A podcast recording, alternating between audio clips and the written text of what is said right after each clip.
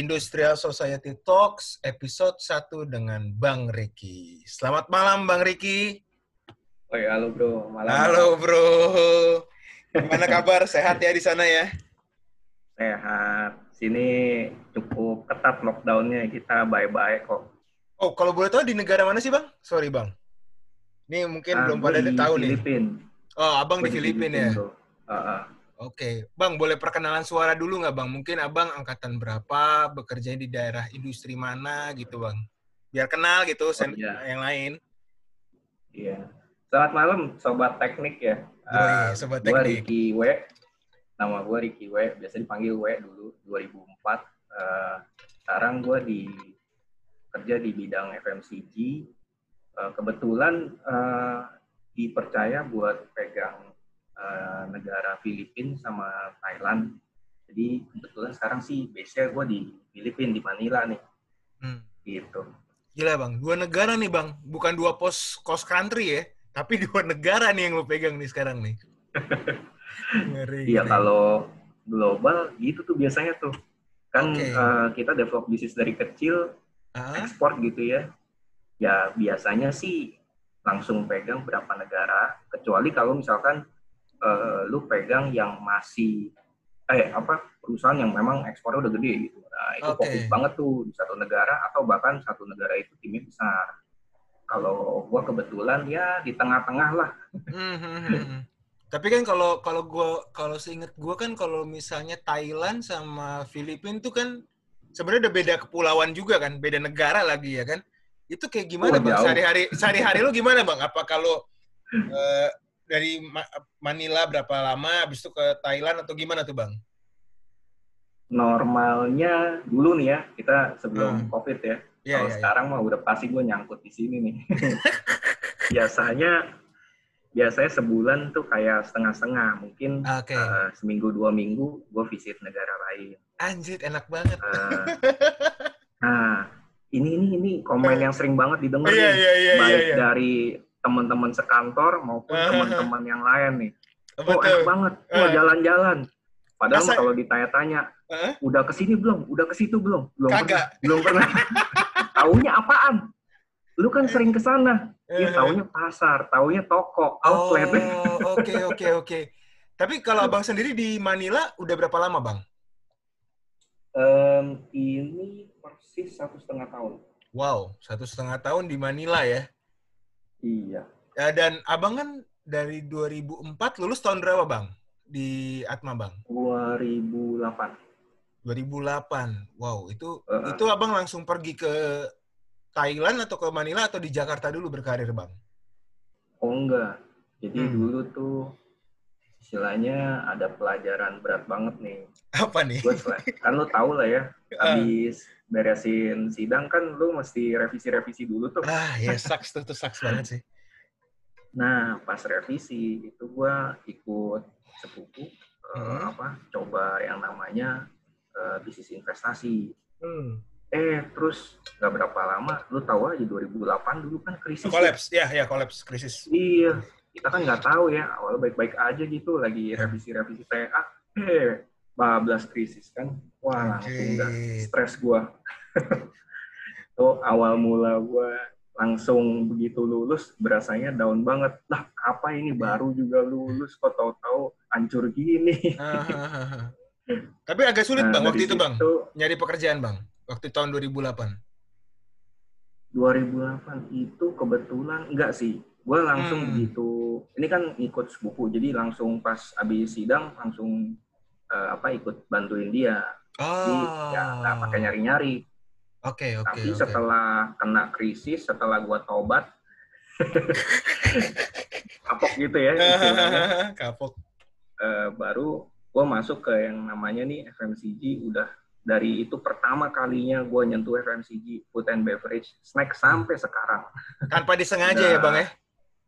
Iya, udah berapa tahun Oke. nih? Eh, berarti udah jalan 12 tahun kira-kira. 12 tahun, 11. se- dua- 11 tahun ngomongin snack sama FMCG aja tuh.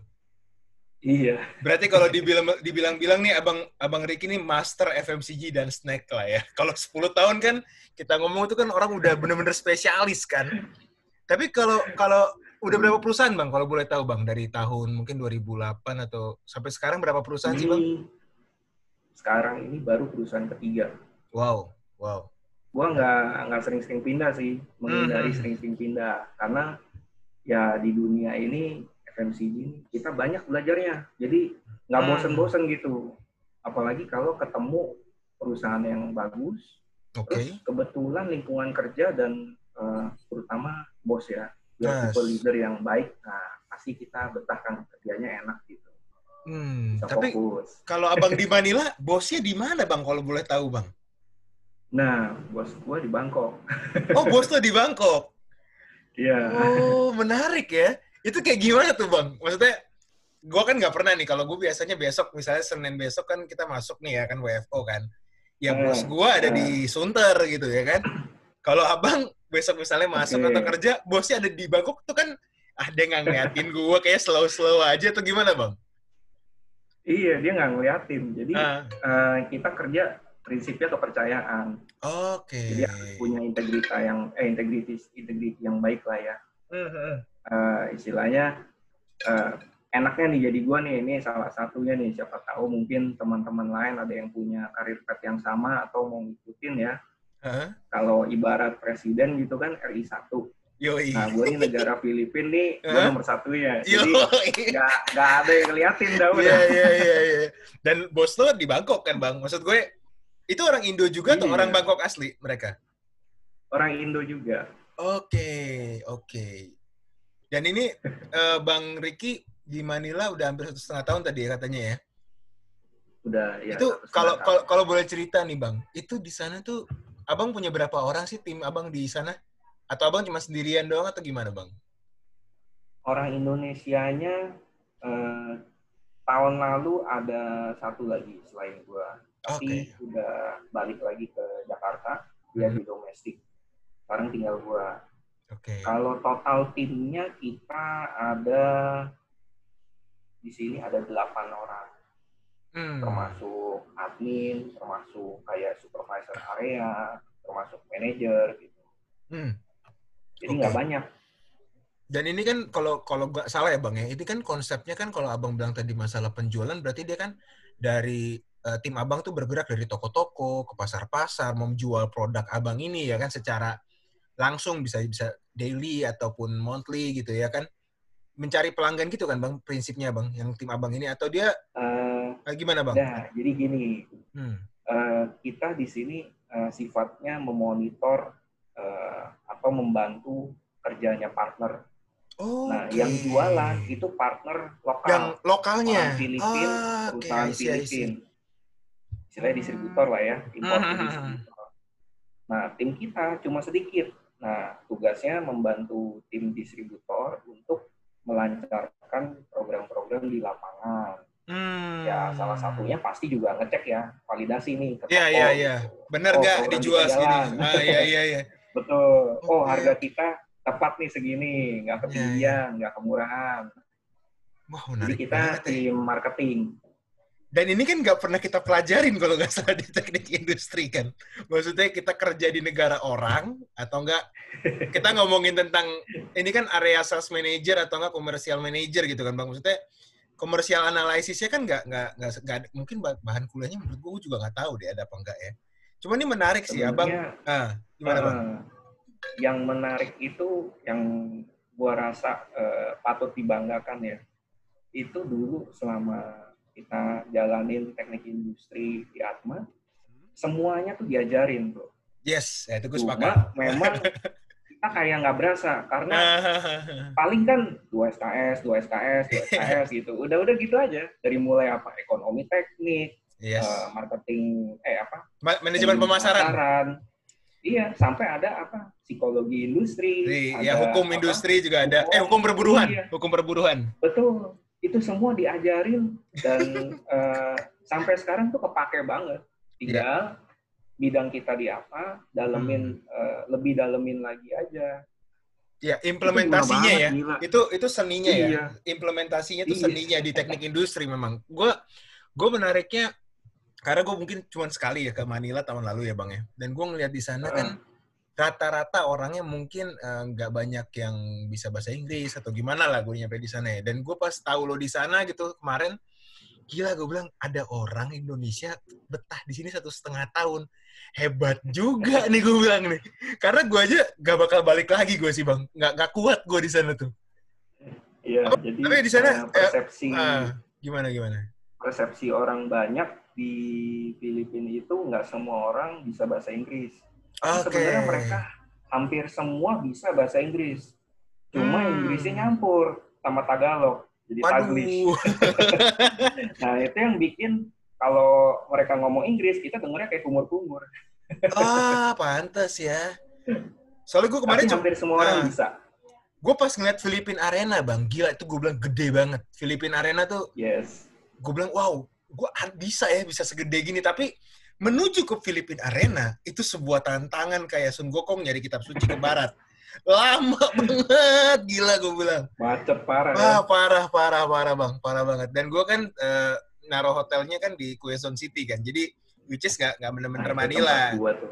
Oh lu di Quezon City-nya? Uh, Ah, Oke, oke, oke. Dan memang di situ cukup menarik lah, nggak nggak terlalu macet atau gimana. Dan pas kita eh, review gitu ya tentang Manila ini, memang kayaknya apakah customer di sana unik-unik bang atau orang-orang di sana tuh kayak gimana sih bang untuk abang sehari-hari di sana sejauh ini?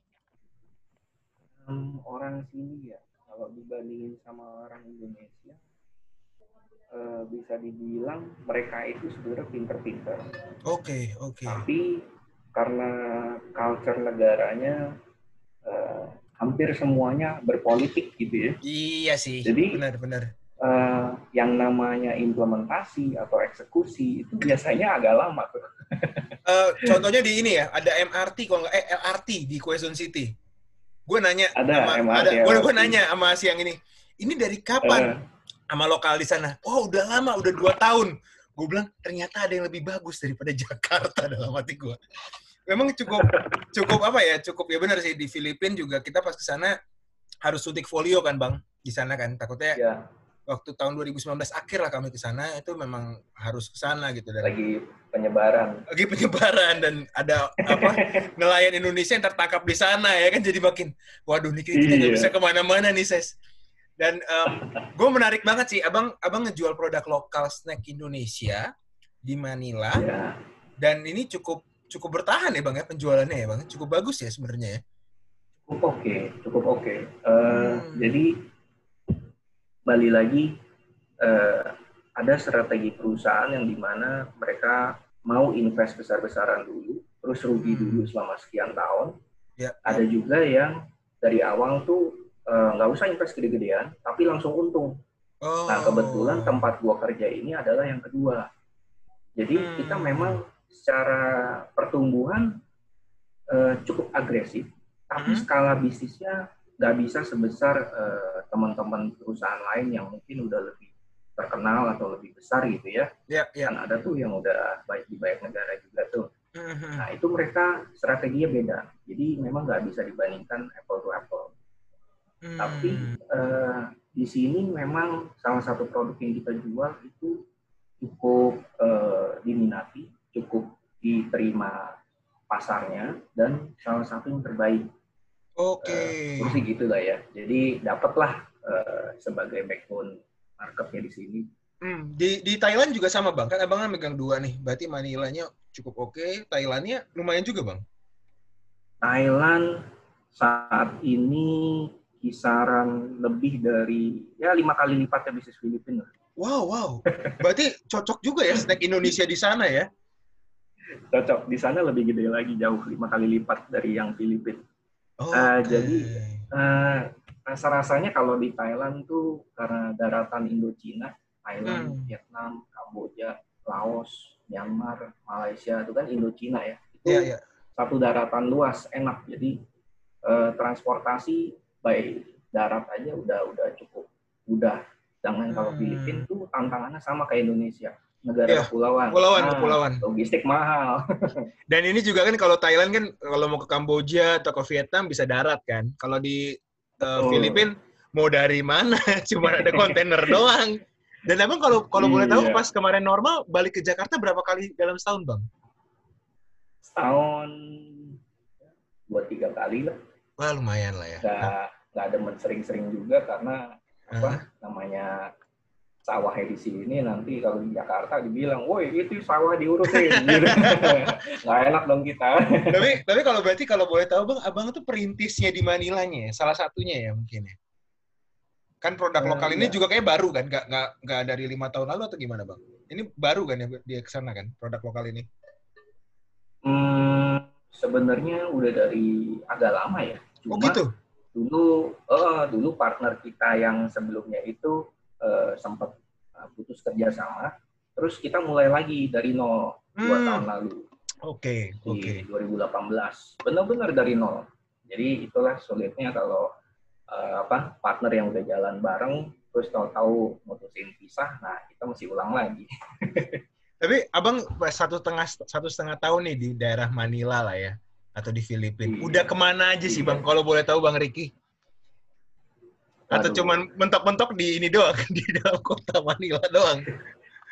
Enggak, gua hampir semua kota besar udah di sini Wow. kota kecilnya juga udah. Ah. Oh karena untuk Sampai melihat pulau-pulau pasar di ya? bawah tuh udah Oh, iya Oke oke Nah, oke. Hmm.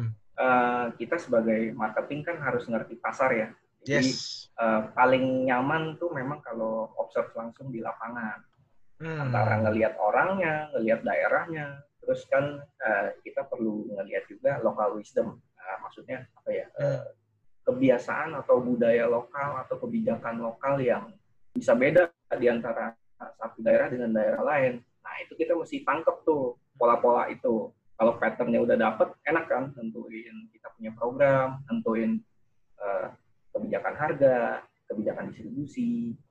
Nah, itu semua eh, banyak variabel yang perlu di apa ya dipikirin atau didapat dulu datanya. Menarik sih kalau dalemin dunia marketing tuh nggak pernah ada habisnya tuh. Dan kuncinya apa sih bang? Kalau boleh di share nih sama teman-teman atau sama sobat teknik lah ya, sobat teknik di yang mau dengerin podcast ini. Kan steppingnya tuh ketika Eh. abang fight ya dari tahun 2008 yang tadi jatuh bangun di bisnis sama sepupunya, terus masuk ke dalam perusahaan. Dan orang kan sekarang Iya, kan iya. langsung mikir kan, wah, eh, apakah ini hanya keberuntungan? Tapi kalau aku tuh mikirnya kayak, ini pasti ada something kerja keras ataupun ya benar ada luck juga mungkin bisa terbang ke Manila, Thailand, balik ke Jakarta lagi kan. Ini menurut gue kan ada ada ada something mungkin bisa di-share nih Bang ke sobat teknik. Apa sih Bang yang Iya. membuat yang menurut Abang tuh sebagai ini nih kuncinya waktu itu yang gua gua kerjain nih. Ada di di-share nggak Bang? Ya, sip. Jadi buat teman-teman sobat teknik yang mau jalan-jalan gratis kayak gua, jalan-jalan sambil kerja, dapat duit, dapat ilmu, nah, utamanya ya dapat ilmu ya. Itu memang dari dulu eh, pertama harus punya passion dulu ya. Maksudnya lu demen sama dunia dunia kerja lu, Ya. sama apa yang lu kerjain tuh lu demen dulu. Hmm. Begitu lu demen, ya udah pasti lu akan ngulik di sana, mau belajar. Yes. Eh, kedua dulu tuh eh, kebetulan kan ya kecemplung di dunia FMCG snack nih. Ya udah Hmm. syukur banget mungkin memang di jalan Tuhan ya. Iya, iya, iya, iya. yang bikin eh, apa ya perjalanannya menurut gua gua bersyukur banget sampai di satu titik sekarang bisa di sini. Itu adalah eh, gua demen banget ketemu pasar gua target market gua bisa Jadi, gitu ya Bang? ya? namanya jalan ke toko ketemu Hah? orang ngobrol ketemu customer bahkan customer bukan customer kita ya bisa jadi Oke. dia pilihnya produk kompetitor apa apa gua tanya gua ajak ngobrol jadi gua tahu sebenarnya mereka itu pengen apa mereka itu butuhnya apa Eh, demen aja gitu ngelihat observe dan cari informasi nah dari situ kan lu banyak dapat insight dapat Yes. data Ya, ya. Nah, itulah eh, lu bisa memformulasikan sesuatu di mana mungkin barang yang lu jual bisa lu customize atau Hmm. kalau barang yang nggak bisa di customize, ya gimana cara jualannya adalah lebih personalized Person. Oh ya. Nah, supaya cocok dengan target market lu. Hmm. Ya memang target market kan kembali lagi di awal ya STP dulu lah ya. Ya. Nanti targetin posisi ya salah. Nah kalau itunya udah cocok, udah pasti, lu bisa eh, apa ya eh, ngedapetin eh, kecocokan antara lu punya barang supply dengan demand di masyarakat. Hmm. Jadi enak gitu. Bener sih. Gue gue coba Seneng bold uh, gue bold juga step satunya lo harus lo suka atau enggak sih sama pekerjaan salah satu pekerjaan ini kan gitu kan. Ya kalau hati Ya, lo nggak di situ ya susah karena mau lo paksain Iya. kayak gimana juga ya kayak kita waktu itu nyembak cewek kalau ceweknya juga nggak serak ya kita ditolak udah pasti kan. Ya? Tapi kan kalau sekarang Yoi. udah udah udah udah pacaran lah nih sama pekerjaannya, terus lo harus mengerti apa yang diminta pelanggannya gitu kan. Ya kalau Iya dong. kalau lo nggak mengerti juga ya lo mau jual apa gitu loh dan pasti apa yang lo lakukan juga salah boro-boro pindah ke Manila mungkin lo cuma dipetakan ruang kantor lo doang kali dan lo nggak bakal ke mana-mana gitu kan bang karena lo nggak nggak nggak menggali nggak nggak digging lah kalau bahasa anak zaman sekarang tuh lo nggak ngedigging apa yang dimintain customer ya gue sepakat gue sepakat dan memang itu nanti yang akan ngebuka semua pintu peluang sih ketika lo udah tahu dan hati lo di situ customer lo gimana ya peluang akan kebuka sih itu Betul banget. Eh, kuat rezeki banget. ke mana. iyalah ya bener ya walaupun gue tahu sih lo tadi, eh, tadi lu bilang apa? Pacaran. pacaran ya kayak pacaran lu. pas pacaran. Pas pacaran. Emang cewek masalah. Sama, lu jualan nih. iya Lu jualan. customer gak Emang pernah customer salah pernah salah. pernah Iya. salah Nggak pernah salah Customer is king. Yap, betul betul. Tapi gue kalau di Manila gue masih ingat, gue gue pernah custom apa? Gue pernah naik taksi dan taksinya selalu benar kalau di sana. Mungkin karena gue Oh, nggak bisa iya. gue nggak bisa bahasa Tagalog ya atau gimana ya. Wah itu kacau bang. Itu kita nyaris terplanting lah pokoknya di tol di Manila itulah. Karena memang Waduh. taksinya cukup brutal ya. Karena gue nggak tahu kan mana yang kayak Bluebird, mana yang kayak Express atau yang kayak gimana gimana lah ya di sana kan Iya, iya. taksinya cukup brutal. Pokoknya kita landing aja udah oh oke kayak begini tuh kotanya. Parah, parah. Parah Taksi sih. umum di sini parah sih. Gue Ya. pernah diturunin depan bandara. Ya, ya kan Malam- bener kan? tengah malam. Berarti kan bukan customer selalu benar. Kadang taksi Manila tuh di atasnya customer kalau buat gua. Aduh. Ngaco. Udah gitu kapok gue naik taksi sini. Eh, ya dan kita juga nggak akan naik taksi lagi. Makanya gue pas kemarin juga pulang dari airportnya, ya that's it. Dan itu satu-satunya international airport yang nggak ada smoking areanya. Dan itu sucks buat gue. Oh, itu karena mungkin presiden yang sekarang itu Oh iya, iya. banget suka Duterte ya. Iya Duterte ya. Iya. Oke, oke. Mendingan ngurut deh daripada tiba-tiba di penjara lu. Oh iya juga sih. Tapi ini bang, bener-bener kecil banget gitu loh international airportnya. Gue kan ngebayangin kayak Soekarno Hatta tuh udah kecil ya. Tuh kalau Canggih sih gede banget gitu kan. Ya, Atau enggak Bangkok tuh termasuk besar lah buat gue. Gue pas nyampe di Manila dan gue mau pulang lewat eh, dari Manila ke Jakartanya, kecil banget ruang tunggunya. Kecil, wow, kecil ya. kecil. Jadi gue langsung, Kayaknya eh, kayaknya lu terminal satu kali. ah, ada dua. Sebenarnya dia terminal ada empat. Wow, Cuma kepisah-pisah agak jauh. Oh gitu. Iya. Mungkin karena gue naik penerbangan murah kayaknya sih. Makanya kecil banget. Oh, kalau gitu tiga. Oke oke oke. Tapi kalau di sana lo untuk mengisi waktu luang lo, apakah lo akan berminat mau S2 di sana atau lo hobi lo atau ada usaha di sana sih bang? Di luar kerjaan lah mungkin di Manila sana. hmm, gua enggak sih. Eh, kalau Hmm. sampai S2 nggak kepikir ya karena kebetulan ini juga bentar lagi eh, mesti pindah ke Bangkok. Oh gitu. Base-nya pindah ke Bangkok. Eh, Oke. oke. Karena- eh, ya gimana ya Eh, namanya lagi zaman virus corona ini kan semua bisnis turun nih. Iya iya iya iya. Karena di Filipina juga kita kena agak parah. Di Oh, satu oke. ASEAN ini kan cuma Filipina yang lockdown-nya ketat banget. Hmm, hmm. Sampai nggak ada bisnis yang operasional kecuali berkaitan sama medis sama retail. Yap. Selain itu semua kena parah. Jadi Hmm. ya bisnis di sini turunnya lumayan parah. Nah, gue diminta untuk eh, pindah ke Bangkok aja gitu. Mungkin lebih karena kan di Bangkok bisnis masih jalan aja agak Yes. normal tuh. Iya iya iya. Udah benar, bagus kan mereka dibanding Kita dibanding Indonesia sama Singapura. iya sih, iya sih. Bangkok, Iya. ya gua gua rasa Bangkok juga bakal bakal bangkit juga sih, karena memang ya make sense lah bang. Lo ketika satu Filipina ini kan yang tadi kita bilang kan dia tuh cuma negara kepulauan. Lo nggak Iya. nggak bisa ke negara lain lagi udah kalau lewat jalur darat nggak mungkin kan. Jadi memang bakal pindah ke Bangkok nih ya berarti ya Bang ya dalam waktu dekat ya. Iya, tunggu ini agak reda aja. Kalau nggak akhir bulan depan, ya Hmm. Agustus. Soalnya Thailand kan udah bagus tuh, cuma tiga ribuan kasusnya, terus Yap, udah flat dari bawah. Tinggal Hmm. Singapura 37 ribu, Indonesia 30 ribu kan, Hmm. Eh, Filipina 20 23 ribu kalau nggak salah. Hmm. Berarti memang nanti di Thailand udah langsung ketemu bosnya ya. Berarti ada bosnya nih di Thailand nih. Iya, tapi untungnya dia itu kan pegangnya ASEAN.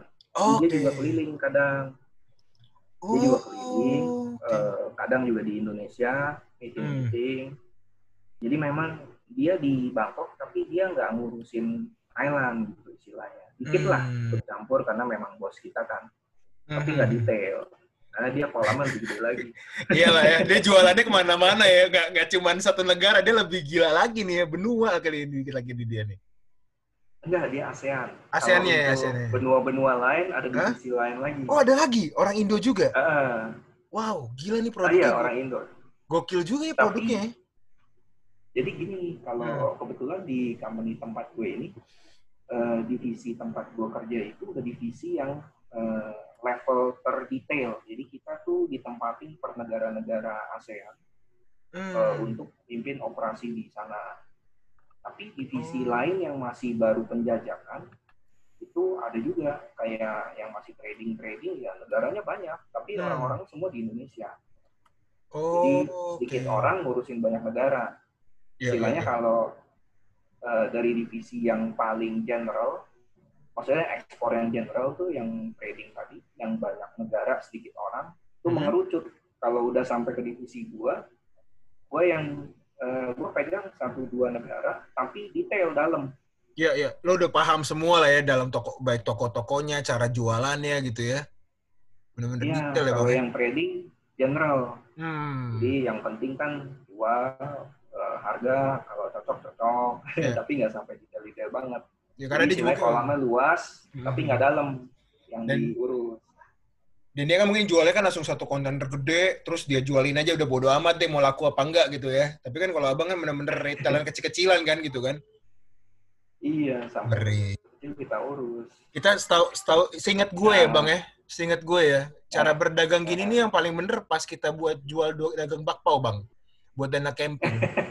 Seingat gue tuh, iya jualan retail pertama kali dalam hidup gue adalah bakpao di camping. Jadi itu tuh setiap pagi pasti kayak ada cewek-cewek angkatan kita yang eh jualin bakpao nih ses di kelas ini. Itu doang tuh yang gue lakukan. Sekarang iya pilih Bener kan ya? ya kadang-kadang kalau 2004 industri kan cencen ya nggak yang garang-garang ya cencen, Novi, iya eh, jago-jago jualan yang kan. jago-jago jualan. Kita kan cuma patuh aja kan. Eh ses nih 2004 mau jual. Lo beli nggak? Oh iya beli bang, beli bang ya kan. Udah harus itu ada semi-semi. boro-boro Nah. lu disuruh beli kita juga disuruh jual Suruh beli. ya tapi itu bantu itu mau bantu iya siap itu emang apa hal yang mengangenin ya. Jadi kalau gue pas juga pas disuruh jualan di perusahaan gue yang sekarang, gue kayaknya gue udah pernah jualan bakpao gitu loh. Cuman kita bedain aja produknya gitu kan. Kalau bakpao kan iya jelas gitu bentuknya dan ada unsur pemaksaan di saat itu ya kan. Kalau ini kan kita harus bener-bener rayu customernya gitu loh. Aduh. Eh, Ses, tapi Yap. ngomong-ngomong Hmm. apa kayak jualan pas untuk dana camping ini kan ini satu hal yang apa ya paling berkesan gitu ya Ah, gimana? di FT industri nah, paling berkesan gue selama kuliah tuh ada satu hal yang gue nggak tahu ya teman-teman lain mungkin ada yang ngerasa sama ada yang enggak jadi gue ngelihat pas kita kuliah tuh saking banyak eh, apa mata kuliah yang beragam terus tugasnya juga gila-gilaan eh, labnya juga banyak Hmm. laporan lab dulu lu ingat nggak Waduh. HPS satu rim kadang nggak cukup kan Iya, iya. Itu ngeri itu, itu ngeri itu. Iya kita begadang-begadang Ya, ya. kerjain di rumah temen nginep-nginep Hmm. subuh-subuh masih apa tempat fotokopian Iya, di iya. tempat jilid ngeprint lah masih ngerjain tugas subuh-subuh eh pagi-pagi ujian ngumpulin tugas Iya. ujian gitu kan Apalagi kuisnya dadakan lagi. Aduh. iya habis ujian baru tidur Ya. Benar, benar, benar. gue benar-benar paling berkesan tuh itunya prosesnya ya gue belajar hmm. iya prosesnya gue belajar uh, kerja keras itu memang uh, wajib ya. kalau lu mau Sepakat. sampai satu titik tertentu Sepakat. terlepas daripada misalkan lu suka nggak suka ya maksudnya hmm. dulu kuliah kan ada yang memang lu milih itu karena lu suka ada juga yang kecemplung. Kalau gue sih kecemplung, gue nggak tahu tuh industri apa, ya udah ikut. Iya, industri steak lagi, snack, which is lo juga nggak sering makan steak mungkin ya. Atau mungkin lo cuma tahu produk iya. ini doang pas kuliah, oh produknya A. Tapi lo nggak tahu hidup lo akan dibawa produk ini sampai ke Manila dan Thailand ya kan? Itu nggak ada yang tahu iya. loh. Tapi gue sepakat bang, gue juga kalau kalau di kantor gitu ya, lo tau lah kalau bos-bos mungkin agak ngomongnya agak keras gitu ya, agak kenceng gitu ya. gue langsung gue mikir kayaknya senior gue lebih galak daripada lo semua. Jadi gue slow-slow aja gitu karena udah udah ke pattern ya di, di dalam diri gue tuh kayak ya tadi yang lo bilang ya kita digodok di Atma Jaya itu tuh the good things-nya adalah uh, kita punya satu ekosistem solidaritas yang cukup tinggi. Which is sampai sekarang sih yang gue rasakan sih. Dan ini yang kita akan lagi bangun kan bareng-bareng sama lo, Bang Alphonse, Bang iya. Erik, sama semua alumni-alumni yang di industri ini kan kita lagi mau bangkit bareng nih, bener-bener kita bareng-bareng, kita kasih kontribusi positif kita buat uh, alma mater kita ini agar uh, adik-adik kita atau teman-teman kita yang lagi kesusahan bisa kita bantu gitu loh. Dan ya sekedar sharing ataupun yang ngebuat ngebuka pikiran lo sih bahwa gue juga di sini gue juga nggak pernah denger di zaman gue dulu kuliah ada alumni kita yang kerja di uh, Manila atau Bangkok ataupun di luar negeri. Mungkin ada bang, tapi kan nggak ada medianya kan. Nah sekarang, iya. sekarang ini bisa gue rekam, ya, ada bisa gue rekam nih. Jadi nanti mungkin ada sobat teknik yang ke Manila atau eh mungkin Bangkok lah ya, mungkin Bangkok bisa ngobrol langsung sama Bang Riki ya kan, atau nggak kita ya. bisa siapa tahu nanti kita bisa monetize, kita bisa jalan-jalan ke Bangkok kan lumayan ya Bang ya iya, beli tour guide-nya kan lumayan ya buat jajan. daripada daripada kita nongkrong-nongkrong doang di Puntang, mendingan kita ke Bangkok ya kan? Iya, daripada di Puntang, mendingan ke Patpong. Wah itu itu harus jangan bawa istri. Lo tahu ya Patpong? Ya? Tahu, tahu, tahu. Dan gue di Manila tuh cukup cukup kaget juga gue. Wow, sangat frontal ya di sini ya. Kayak oh, iya. kalau ya, kalau kalau kalau lo ada di Jakarta mungkin dibubarin ormas kali ini semua. Iya. Frontal banget, frontal. Gue juga kaget sih di sana. Tapi memang uh, karena mungkin dia sana jajahan ada Amerika juga ya bagi gue. Ya Spanyol ada. Jajahan dan gue Spanyol belakangan kan dibebasin dan ketatnya sama Amerika. Oh iya, ya ya. Gue ada satu bar yang terkenal di sana di Red Light District itu atasnya tuh yang old school Amerika Amerika gitu loh bang. Mungkin emang pernah ke sana oh. juga deh. Gue lupa tuh. Dengar-dengar aja sih. Nah, itu tuh, iya, tuh. Ya. paling daerah Makati ya. Ah, Makati, di daerah Makati. Uh, Tapi yang red light-nya gue nggak masuk. Gue kan apa bener-bener cuma buat makan doang di sana. Iya, itu mah offline aja ya. Oke Bang Riki, uh, keep safe ya Bang ya di sana ya. Kita kontak-kontak ya. lagi ya Bang Riki. Sehat-sehat. Ya. Moga-moga kita bisa ya. menghadapi ini semua ya. Thank you Bang. Amin amin.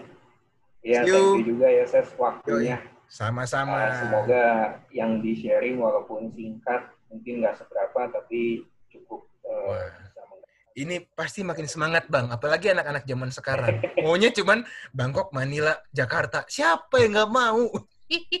Tapi dia kan nggak tahu kan, iya. lo harus lo harus bener-bener fight, ngobrol Tagalog kayak bahasa Inggris kayak dengan kemacetan Manila. Mereka nggak tahu. Namanya juga netizen 62 ya kan?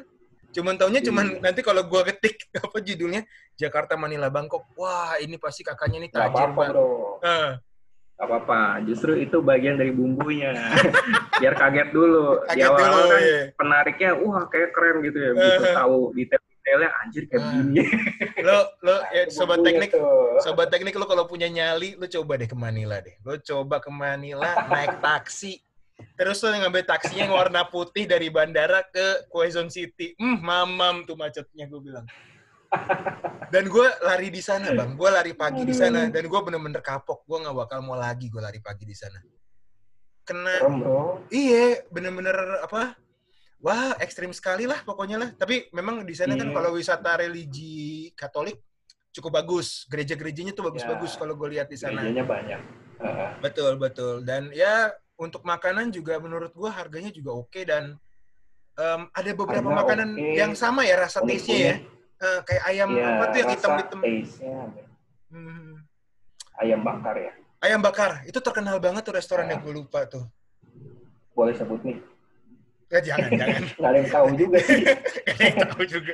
Oke, Bang. Namanya Mang Manginasal. Ah, itu itu. Gua gua salah Ya, makan, Bang. itu, Itu, di Bro, itu di Ben Ah. Hill udah buka loh. Namanya Masa? Manginasal. Cobain deh. Ben Hill deket kampus nih. Tahu gue iya. Oke. Gue Oke. belum pernah cek langsung, tapi ada ngeliat update-nya mereka buka di Jakarta di Ben Oke. Pak Inasal atau nanti coba dicari aja ada nggak? Nanti nanti gue coba dulu, nanti gue fotoin, gue kirim ke grup ya, Bang. Siap. Siap. Thank you, Bang Ricky. Keep safe. Ya, Keep thank you juga, Sis. Lu Sampai- juga. Heeh. sampai ketemu. kita saling support terus dah. Siap, Ah. siap. Thank you, Bang. Sampai ketemu ya. Thank you, thank you. Sampai ketemu. Yo, see you.